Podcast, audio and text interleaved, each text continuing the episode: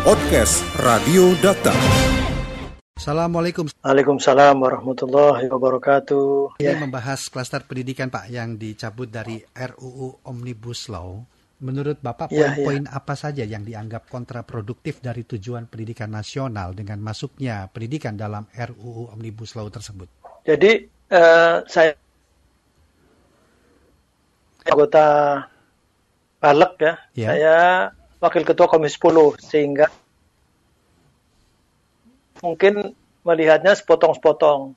Dan eh, saya mengkritisi itu karena yang dikeluhkan oleh pemangku kepentingan pendidikan, misalnya tentang guru dan dosen, misalnya. Tentang guru dan dosen itu eh, di Undang-Undang Guru dan Dosen, Undang-Undang 14 2005 itu eh, guru dan dosen yang di eh, di negeri ini di Indonesia ini penuh dengan banyak persyaratan kompetensi yang harus dipenuhi kualifikasi kualifikasinya harus eh, sesuai dengan yang ditentukan. Tetapi ketika guru dan dosen dari luar itu kelihatan longgar sekali. Artinya bahwa ini memberikan peluang sebesar-besarnya kepada guru dan dosen dari luar negeri daripada kita me- apa, mementingkan guru dan dosen dari eh, negeri kita sendiri dari dalam negeri domestik sehingga ini saya kira diskriminatif dan kemudian Halo? Halo Pak? Ya, tampaknya. Halo? Ya, ya, silakan Pak. ya Silakan. masih sambung kah? Masih, masih, masih. Ya, Silakan. jadi istilah saya istilah saya mahasiswa kita nanti akan di ap- apa namanya diajar oleh alien gitu. jadi oleh makhluk-makhluk dari luar gitu. Nah, ini kan karena dan dosen kita eh, untuk apa masuk di dunia kerja maksudnya di menjadi guru dan dosen di negeri sendiri Hmm. dengan persyaratan yang berbelit-belit dan sangat susah, sementara dari luar sangat longgar. Ini yang sempat saya kritisi. Kemudian ternyata ada eh, apa namanya pasal-pasal lain. Jadi ada dari jadi Undang-Undang Cipta Kerja itu ternyata eh, memasukkan klaster pendidikan itu diambil dari Undang-Undang Sisdiknas. Undang-Undang Ya. Sisdiknas itu sudah sepakat menjadi eh, prolegnas prioritas yang nanti berarti kan akan dibahas oleh DPR, paling tidak oleh Komisi 10. Tapi kenapa diambil? Hmm. Kalau diambil kan berarti mengu- mengurangi kewenangan DPR.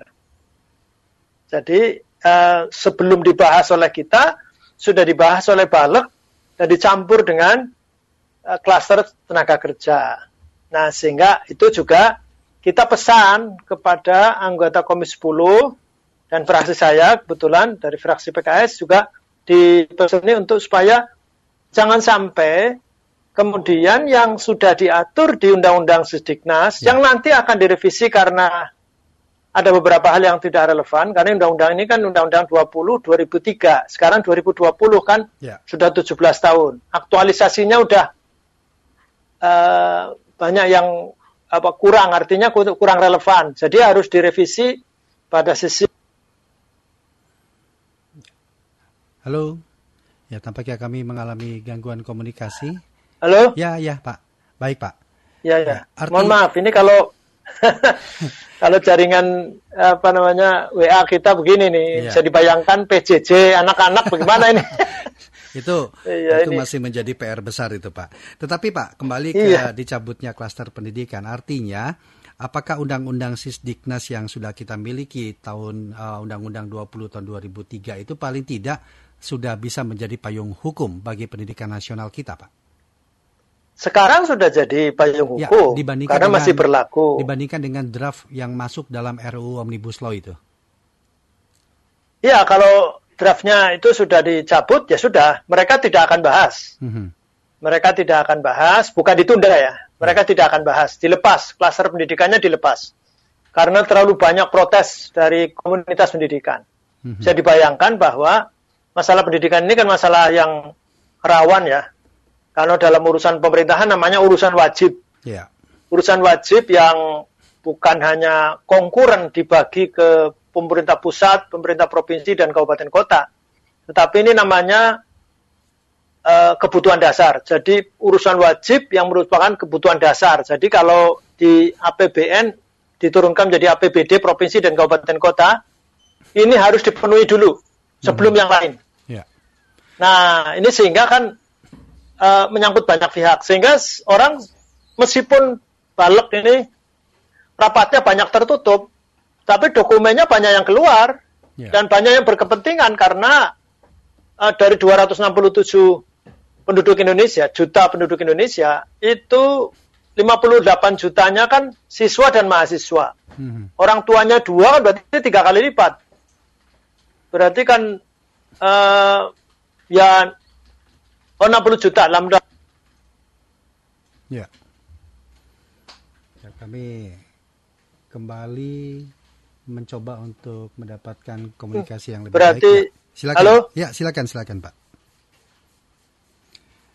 Halo, Pak. Ya, ya, ya. Ya, ya jadi uh, intinya coverage-nya itu luas. Jadi DPR apa namanya? Pendidikan ini Baik. adalah urusan yang sangat menyangkut hajat hidup orang banyak di negeri ini dan menyangkut masa depan ya. bangsa ini. Sehingga nggak bisa kemudian begitu saja karena kepentingan negara ini butuh investasi, kemudian mengeluar apa memberi peluang hmm. pekerjaan yang luas, lantas mengorbankan aspek pendidikan ini banyak yang tidak rela. Oleh ya. karenanya, yaitu dicabut, minta dicabut. Mungkin saya termasuk yang mengkritisi dan sebagainya. Mungkin anggota balik juga kupingnya merah, pemerintah juga mungkin telinganya merah sehingga akhirnya dicabut. Jadi ya. klaster pendidikan akhirnya dicabut dan nanti kita akan duduk bersama dengan semua pemangku kepentingan pendidikan untuk membahas uh, ya. revisi undang-undang Sisdiknas begitu, Mas. Ya. Tadi kan Bapak sempat menyinggung masalah Undang-Undang 14 tahun 2005 tentang uh, guru dan dosen yang dikhawatirkan. Ya. Nah, apakah itu juga salah satu ya. poin yang menjadi sorotan banyak pihak jika ya. pendidikan dan kebudayaan dimasukkan dalam omnibus law lebih bersifat kepada menyerahkan ke mekanisme pasar atau liberalisasi ekonomi. Apakah itu, Pak? Iya, tidak hanya tidak hanya itu, sorotan publik atau sorotan pakar-pakar pendidikan misalnya, itu kan guru ini kayak buruh lah gitu kira-kira. Mm -hmm. Guru ini jadi dianggap seperti buruh, jadi bukan orang yang eh, pandito yang digugu dan ditiru yang apa ingarso sung tulodo ing madyo maun karso tuturi handaya ini nggak begitu. Yeah. Jadi ini uh, luar biasa keluar, keluar dari dan, filosofinya begitu pak maksudnya. Aku di Indonesia itu tidak berlaku. Nah ini wah, luar biasa. Saya kira menyinggung perasaan banyak pihak. Hmm. Nah oleh karenanya uh, Undang-Undang Sisdiknas juga dikeluarkan dari eh, apa namanya omnibus law ini cipta kerja, kemudian undang-undang guru dan dosen, undang-undang perguruan tinggi, undang-undang pendidikan dokter juga dikeluarkan ya. semua ya. dari anu dari undang omnibus law cipta kerja ini. Ya. Pak Abdul Fikri Fakih, tapi kalau kita melihat fakta saat ini, bukankah memang banyak lembaga pendidikan yang sudah bergeser, yaitu berorientasi kepada profit? Ya, itu yang jadi alasan. Uh, jadi alasan apa? Fakta ini kan belum ten, belum tentu idealisme orang Indonesia. Hmm. Jadi kita menyesuaikan uh, dunia, jadi kondisi global itu kita menyesuaikan itu bukan berarti kemudian menyerahkan semua akhirnya. Jadi semua menjadi liberalisasi. Saya kira tidak bisa begitu. Hmm. Bahwa dunia pendidikan terpengaruh dengan liberalisasi yang terjadi di global ini, ya.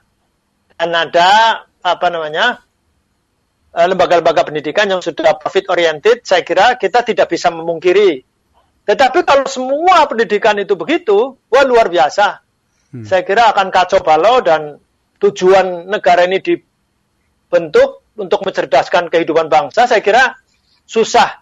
Sekarang ini saja dengan apa statement yang ada di konstitusi dan yang dikuatkan dengan undang-undang, anggaran pendidikan 20% saja disiasati kok. Yeah. Namanya bukan anggaran pendidikan, namanya fungsi pendidikan. Hmm.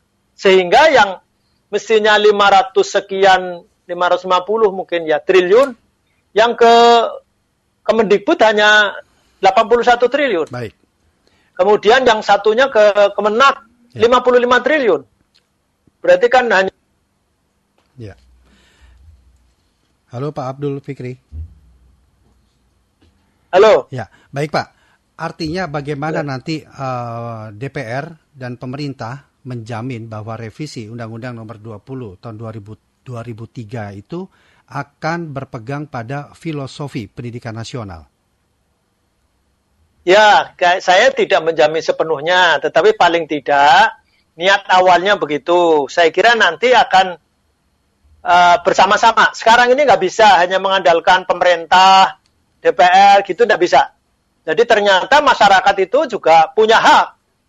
Ya ini kan kalau nggak ada suara masyarakat, saya kira undang-undang ini lancar-lancar saja kemudian undang-undang HIP juga lancar-lancar saja. Tapi faktanya ketika diprotes oleh masyarakat, yeah. saya kira uh, pemerintah dan DPR saya kira akan uh, mempertimbangkan, saya kira begitu. Tapi Jadi dengan, ini dengan sekarang maraknya, ini menjadi bersama-sama lah, saya kira. Dengan maraknya atau bermunculan lembaga pendidikan saat ini, sejauh mana hal itu memberikan dampak positif terhadap uh, masyarakat kita dalam dunia pendidikan kita? Ya, harus diakui bahwa pemerintah tidak sanggup menjalankan fungsi mencerdaskan kehidupan bangsa sendirian.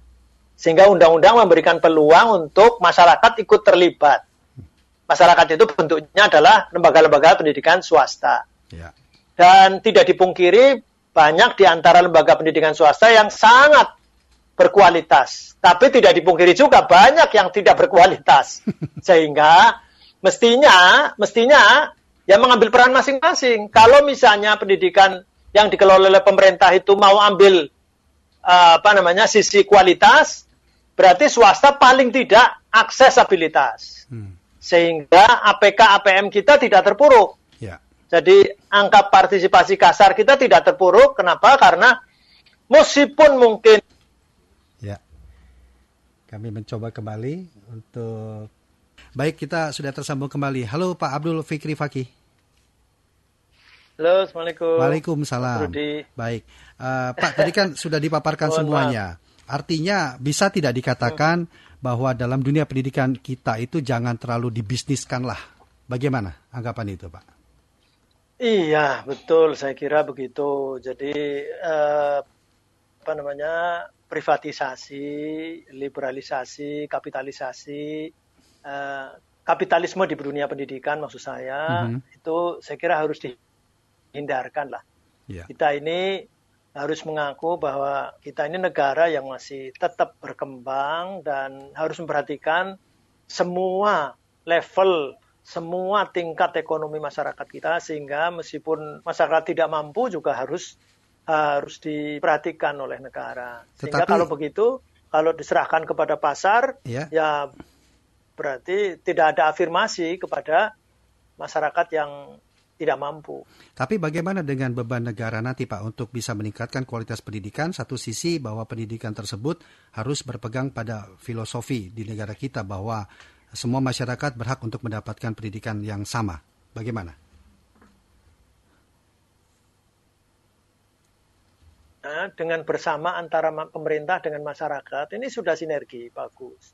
Cuman sayang memang uh, apa komitmen 20% untuk pendidikan ini yang masih masih belum realisasinya masih belum seperti yang dibayangkan sebelumnya. Ya. Jadi itu yang saya sebut tadi K ya. Tetapi tidak begitu salah memang kalau hmm. menyebut nanti namanya fungsi pendidikan, anggaran fungsi pendidikan bukan anggaran pendidikan, anggaran pendidikan hmm. semuanya nanti ke Kemendikbud dan kementerian yang bertanggung jawab. Ya. Cuman memang ini fungsi pendidikan sehingga tersebut dari 500 triliun itu 300 triliunnya ditransfer ke daerah. Transfer ke daerah itu tanpa kontrol yang jelas. Apalagi nomenklaturnya berbunyi dana transfer umum yang diperkirakan untuk pendidikan. Sehingga karena diperkirakan untuk pendidikan, Ketika kemudian daerah-daerah tertentu butuhnya tidak untuk kepentingan ya. kepentingan. Akhirnya BPK juga lolos-lolos saja Baik. karena diperkirakan untuk pendidikan. Dari Baik. 300 triliun itu. Jadi ya inilah kondisinya sehingga saya kira komitmen itu sudah bagus dalam realisasi kita bersama Ya. Halo Pak Abdul Fikri. Halo. Ya, baik.